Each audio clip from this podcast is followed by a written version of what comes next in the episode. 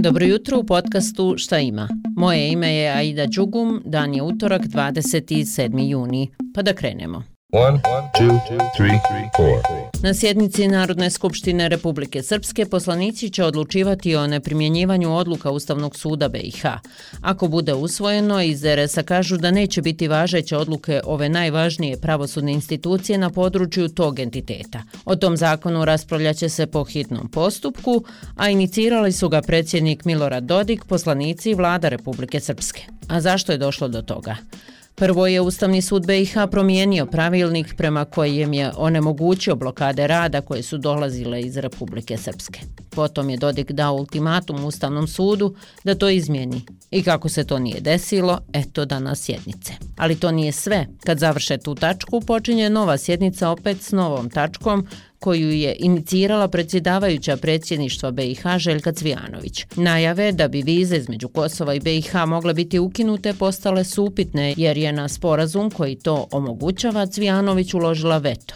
Eh, To je drugi razlog okupljanja narodnih poslanika u Banja Luci. Inače, sporazum je donesen na samitu lidera Zapadnog Balkana u Berlinu prošle godine i odnosio se na međusobno priznavanje ličnih karata, univerzitetskih diploma i profesionalnih kvalifikacija. Sve zemlje su to ratifikovale, osim BiH. Druge dvije tačke nisu sporne čak ni za BiH, ali je posljednja koja se najviše odnosi na putovanje sličnim kartama između Kosova i BiH je sve vrijeme osporavana iz entiteta Republika Srpska.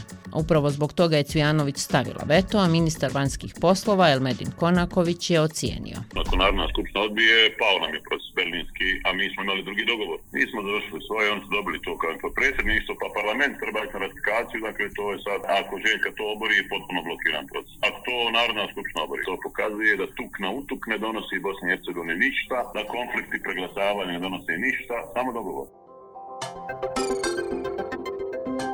I u nastavku vijesti iz regiona i svijeta. Zbog krize na sjeveru Kosova održava se sastanak vanjsko-političkog odbora Evropskog parlamenta sa specijalnim predstavnikom Evropske unije Miroslavom Lajčakom i šefom generalnog direktora Evropske komisije za susjedstvo i proširenje Gertom Janom Kopmanom.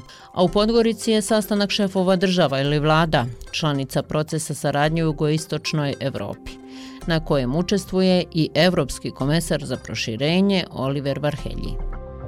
Da dodam još to da će Vijeće sigurnosti UN-a u Bliskom istoku, a Sjedinjene države već danas planiraju objaviti novi paket vojne pomoći Ukrajini u vrijednosti od 500 miliona dolara. I nakon svih ovih skupština, pregovora, razgovora, da malo govorimo o kulturici. U Sarajevu gala koncert u izvedbi solista i hora opere Narodnog pozorišta i Sarajevske filharmonije a u Tuzli predstava Rodi dom po tekstu Safeta Sijarića. Eto. Na kraju, da ne bismo trpjeli i vi i ja Lelino odsustvo u podcastu, zvala sam je i rekla joj da je danas svjetski dan ananasa. Eto, čekamo dugo taj dan, samo da bi Lela ovo rekla. Samo te slušam, a ide kako pričaš o tom ananasu. Ananas ni ne misliš. Ananas ni ne misliš. Ananas ni ne misliš.